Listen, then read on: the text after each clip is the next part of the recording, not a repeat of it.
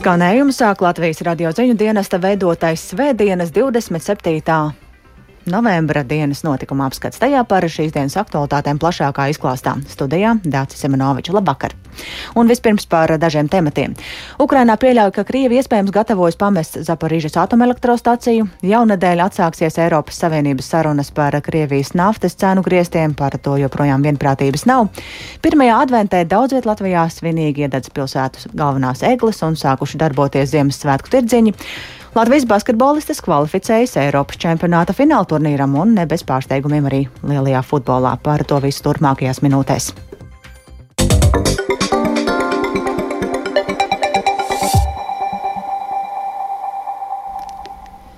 Pēdējie novērojumi liecina, ka Krievi iebrucēji varētu gatavoties pamest Zaporižas atomelektrostaciju. Tā šodien izteicies Ukrainas atomenerģijas uzņēmuma Enerhoatom prezidents Petro Kotins. Informācija par to, ka Krievija varētu atstāt staciju, esot saņemta pēdējo nedēļu laikā. Krievijas presa sākusi rakstīt, ka Zaporižas atomelektrostacija iespējams būtu jāatstāj un varbūt tā jānodod starptautiskās atomenerģijas aģentūras kontrolē. Turpina Rihards Plūme. Ukrainas atomenerģijas uzņēmuma Enerhoatom prezidents Petro Kotins norādījis, ka rodas iespējas, ka Krievijas armija kravājot čemodānus un zog visu, ko var atrast. Viņš uzsvēra, ka ir pāragri teikt, ka Krievu karavīri pamet Zaporīžas atomelektrostaciju, taču varot sacīt, ka viņi gatavojas. Kotins atgādina, ka Krievija savada Zaporīžas atomelektrostacijas teritorijā militāro tehniku, karavīrus un kravas mašīnas, ļoti iespējams pilnus ar ieročiem un sprākstvielām, un nomīnēja atomelektrostacijas teritoriju. Eiropas Savienības diplomāti pat laban ir apturējuši sarunas par Krievijas naftas cenu griestiem, jo Polija un Baltijas valstis iebildušas pret priekšlikumu, ko tās uzskata par pārāk mērenu pret Maskavu. Nākamnedēļ paredzams, ka jau rīt sarunas atsāksies, taču tās nesolās būt vieglas, jo atšķirīgi viedokļi saglabājas. Tikmēr Krievija brīdina, ka naftas cenu griestu ieviešana var atstāt smagas sekas enerģētikas tirgos. Plašāk stāsta Rihards Plūme. Eiropas Savienības diplomāti cerēja panākt vienošanos par naftas cenu griestiem piekdienas vakarā, taču dalību valstu pozīcijas palika nemainīgi atšķirīgas un sarunas tika pārceltas uz pirmdienu. Par to vēsta avoti, kas ir informēti par sarunu norisi. Viedokļu atšķirības ir manāmas jautājumos par to, cik stingrai ir jābūt Eiropas Savienībai šos griestus nosakot. Polija un Baltijas valstis ir sašutušas par ierosinājumu noteikt Krievijas naftas cenas robežu līdz 65 līdz 70 ASV dolāru apmērā par barelu barelu, jo šis līmenis pārsniedz Krievijas jaunaftas pārdošanas likmes šobrīd. Polija pieprasa papildu sankcijas, pārskatīšanas mehānismu un cenu, kas ir zemāka par tirgus līmeni, tā norāda augsta ranga diplomāts. Tikmēr citas dalībvalstis, piemēram Grieķija, pasaules lielākā naftas tankuģu īpašniece, nevēlas, lai griesti tiktu noteikti zemāk par 70 ASV dolāriem par barelu. Pēc naftas cenu griestu pieņemšanas sagaidāms, ka to ieviesīs arī G7 valstis. Politikas eksperts Andres Smāja Igaunijas sabiedriskajiem medijiem tikmēr norādījis, ka cenu griestiem jābūt virs pašizmaksas, lai ļautu naftas pārstrādes uzņēmumiem darboties un saglabāt ražošanu. Tomēr nevajadzētu palikt nekam, kas varētu nonākt Krievijas valsts kasē. Citādāk karš turpināsies. Viņa prāt griesti jānosaka 30 līdz 40 dolāru apmērā. Kā norāda aģentūra Bloomberg, valstis, kuras diskutē par naftas cenu griestiem, ir spiestas izvēlēties starp divām sarežģītām savām prioritātēm - vai nu mēģināt noslāpēt ieņēmumus Krievijai, vai izvairīties no potenciāli sāpīgiem naftas cenas kāpumiem, kas varētu kaitēt pasaules ekonomikai. Par to, kāda patiesi varētu būt ietekme uz globālo tirgu, skaidrības gan īsti nav. Krievija brīdinājusi par sakām pasaules ekonomikai naftas cenu griestu noteikšanas gadījumā. Krievijas prezidents Vladimirs Putins brīdinājis, ka naftas cenu griestu ieviešana var atstāt smagas sekas enerģētikas tirgos. Šādas darbības esot pretrunā ar tirgus blakus attiecību principiem. Sarunas par naftas cenu griestiem kritizējis arī Kremļa runas vīrs Dmitrijs Peskovs. Fakts ir tāds, ka Eiropieši par šo ierobežojumu runā ļoti nesaprotamās niansēs, tādēļ izskan neizskaidrojami skaitļi. Šķiet, ka viņi cenšas pieņemt lēmumu lēmuma dēļ, nevis ietekmes dēļ, bet gan tāpēc, lai ieliktu ķeksīti, ka ir uzlikti griesti. Grūti prognozēt, kādu ietekmi tas atstās iejaukšanās uz enerģijas tirgu. Šobrīd mēs pieturamies pie prezidenta Putina nostājas, ka mēs nepiegādāsim naftu un gāzi valstīm, kuras griestus noteiks un tiem pievienosies. Bet pēc iepazīšanās ar cipariem mums viss ir jāanalizē, pirms formulējam savu nostāju. Par Krievijas naftas cenām ir liela neskaidrība, jo valsts kravu tirzniecība kopš kara ir kļuvusi mazāk caurskatāma. Tomēr analītiķi norādījuši, ka tās cena varētu būt aptuveni 50 dolāri par barelu. Rihards Plūme, Latvijas radio.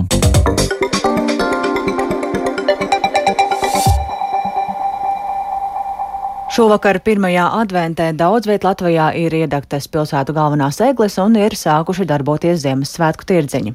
Ar ovācijām galvenās eglis iedegšanu sagaidīja arī tūkstošiem cilvēku Rīgā Doma laukumā. Pēc divu gadu pārtraukuma atklāts arī Vecrīgas Ziemassvētku tirdziņš, kas šogad svin savu 20. jubileju. Vairāk par gatavošanos svētkiem galvaspilsētā Viktora Demīdo reportāžā. Jau no paša rīta doma laukumā valdījusi liela rosība. Skanot svētku melodijām, savas tirzniecības vietas ierīkoja pirmie tirgotāji. Savukārt pie pilsētas galvenās egles darbinieki ar āmuriem stiprināja metāliskas konstrukcijas. Ir būs ekrāns. Daudz vēl darba atlika. Nu, ir vēl jāuzceļ, pats ekrāns jāuzbūvē. Tajā pat laikā citi darbinieki no kravas mašīnas vilka ārā lielas smagas kastes. Patās, jā, jā, jā. Labrīt! Esmu Latvijas radio ziņām. Kas šeit vispār notiek? Nav laika. Eglis, Eglis, Eglis. Eglis. Paldies! Dedzinās, Pāris stundu laikā ekrāns jau bija uzstādīts un ieslēgts, bet uz skatuves jau stiprināja mikrofonus.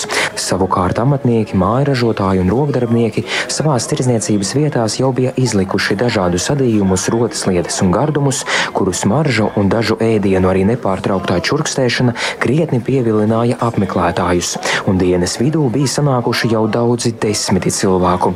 Vairāki bija ieradušies ar bērniem, kuri labprāt devās nelielā izjādē pa doma laukuma ar ponijiem. Aprunājos ar vairākiem apmeklētājiem. Tikai reizi līdz izbraucam, ļoti labs noskaņojums. Šīs Ziemassvētku smaržas un nu, viss tas rotājumi un tā. Nu, ļoti forši. Ziemassvētku noskaņa. Šeit var noķert tiešām. Lai bērnam ir divi gadi, pirmais tirdziņš, tā teikt, atmosfēra, silts dzēriens, kaut kāds silts ēdiens. Covid-19 pandēmijas dēļ vecrīgas Ziemassvētku tirdziņš nav noticis divus gadus pēc kārtas. Atgriezties ir priecīgi arī pārdevēji, kuri atzīst, ka pēc pircējiem ir noilgojušies. Forši, forši, jo visi jau noilgojušies. Tad cilvēki jau pēc tā socializācijas, man liekas, vairāk. Esmu ļoti priecīga un lepna par to, ka var tirgoties Doma laukumā ar savu saumītas taisītajām piparkūkām. Pagājuši jau divas sezonas izlaists, bet pēc laika jau trīs gadi pagājuši. Jebkurā gadījumā ļoti patīkami, ļoti priecē. Priecē tas, ka Rīgā ir jūtami ļoti daudz turisti. Kā jūs raugāties uz tuvākajām nedēļām, kādas jūsuprāt tās būs? Noteikti cilvēku pilnas. Galvenais, lai nav plus divi, mīnus viens, mīnus divi, mīnus pieci. Tad beigas forši. Tad visiem gribās kādu karstvīniņu patusēt, tā kā vakar piemērs. Nu, tas vispār smuki. Būs jauks, būs patīkams, ārā ir sniegs, ārā ir balts. Vakarā Doma laukumā bija sapulcējušies vēl vairāk cilvēku, kas ieradās uz egles svinīgo iedegšanu. Trīs!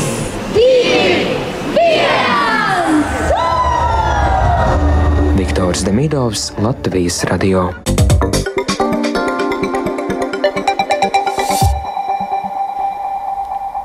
Un turpmākajās minūtēs ir laiks pievērsties sporta aktualitātēm. Pašmāja dāmu basketbola izlase šodien spraigā un emocionālā spēlē izcīnīja ceļa zīmu uz nākamā gada Eiropas čempionātu, bet pasaules kausa futbolā turpinās ar četrām spēlēm arī svētdienā. Un par visu vairāk jau tūdaļ pastāstīs kolēģis Mārtiņš Kļavinieks.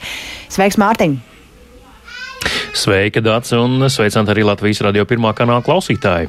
Tātad mūsu dāmām ceļu zīme uz Eiropas čempionātu. Kāda bija šī spēle, kuru, cik zinu, vēroja klātienē? Jā, nu dien biju šajā skaļajā basketbola zālē un vēroju, kā tad šī ceļzīme tiek izcīnīta. Nu, tā arī bija tā šīs spēles galvenā likme. Uzvaras gadījumā ceļzīme kabatā, ja zaudējums, nu tad viss vēl jāatliek uz februāra spēli pret Zviedrietēm, bet Latvijas izlase beigu beigās tomēr ar 79 pret 73 pārspēja Izrēlu, lai gan bija dažādi izrāvieni, te vienai, te otrai komandai, te viena, te otra bija vadībā, bet tomēr ceļzīmi Latvijas nodrošināja. Un Latvijas izlasē ar 22 punktiem, 10 atlikušajām bumbām un septiņām rezultatīvām piespēlēm izcēlās Anita Steinberga, 23 punkti Kitijai Laksai, kurai 5 precīzi tāmetieni, un uz šīm divām dāmām, uz viņu pleciem precīzāk, arī balstījās, um, nu, var teikt, viss Latvijas izlases uzbrukums, mm, kā jau varat saskaitīt kopā abām 45 gūti punkti no 79 kopumā Latvijas gūtajiem, bet ļoti produktīva aizsardzībā un arī uzbrukumā gūstot 4 punktus un izcīnot 4 bumbas zem groziem nospēlēja Paula Strautmani. Viņa laukumā gan pirmo reizi nāca tikai trešās ceturtais vidū, bet līdz ar iesaistīšanos spēlē Latvija panāca vienu no izšķirošajiem lūzumiem mačā. Par kvalificēšanos Eiropas čempionātam vairāk stāsta Paula Strautmane. Strādājām ilgi, lai sasniegtu šo mērķi, un paldies Dievam, mēs izdarījām darbiņu. Un beigās ar uzvaru. Pēc ilga laika mēs netikām pagājušajā reizē, tāpēc tas bija tāds, nezinu, kā to teikt, veikam kalns visai, visai Latvijas savienībai, ka tomēr nav tā, ka mēs, mēs vienmēr būsim un ka tas ir bez darba. Tomēr visās valstīs tas līmenis basketbolā aug un mēs neesam lepni par to, ko izdarījām šodien. Tā vienkārši tāda sistēma, jo komandas, kas spēlē Olimpiskajās spēlēs un uh, pasaules kausos, tas notiek tās biežāk spēles. Mēs arī gribam būt tur. Žēl, ka nu, tik maz uh, Latvijā mēs varējām uzspēlēt, bet uh, prieks, ka tā vienīgā spēle, kas mums šogad bija Latvijā, ka mēs parādījām labu spēli. Jā, tā tad tālūk um, Paula Strautmane, Latvijas basketbola izlases spēlētāja, Latvijas dāmas izlasē tātad kabatā ceļzīm uz nākamā gada Eiropas čempionāta fināla turnīru, nu un Latvijas izlases vēsturē tas būs desmitais fināla turnīrs. Atgādināšu, ka pagājušajam Latvijas nekvalificējās, nu un acīm redzot izdarīt pareizie secinājumi un darbiņš šoreiz ir paveikts. Eiropas čempionāts dāmām nākamgad notiks no 15. līdz 25. jūnijam Izrēlā un Slovenijā. Latvijā. Dace?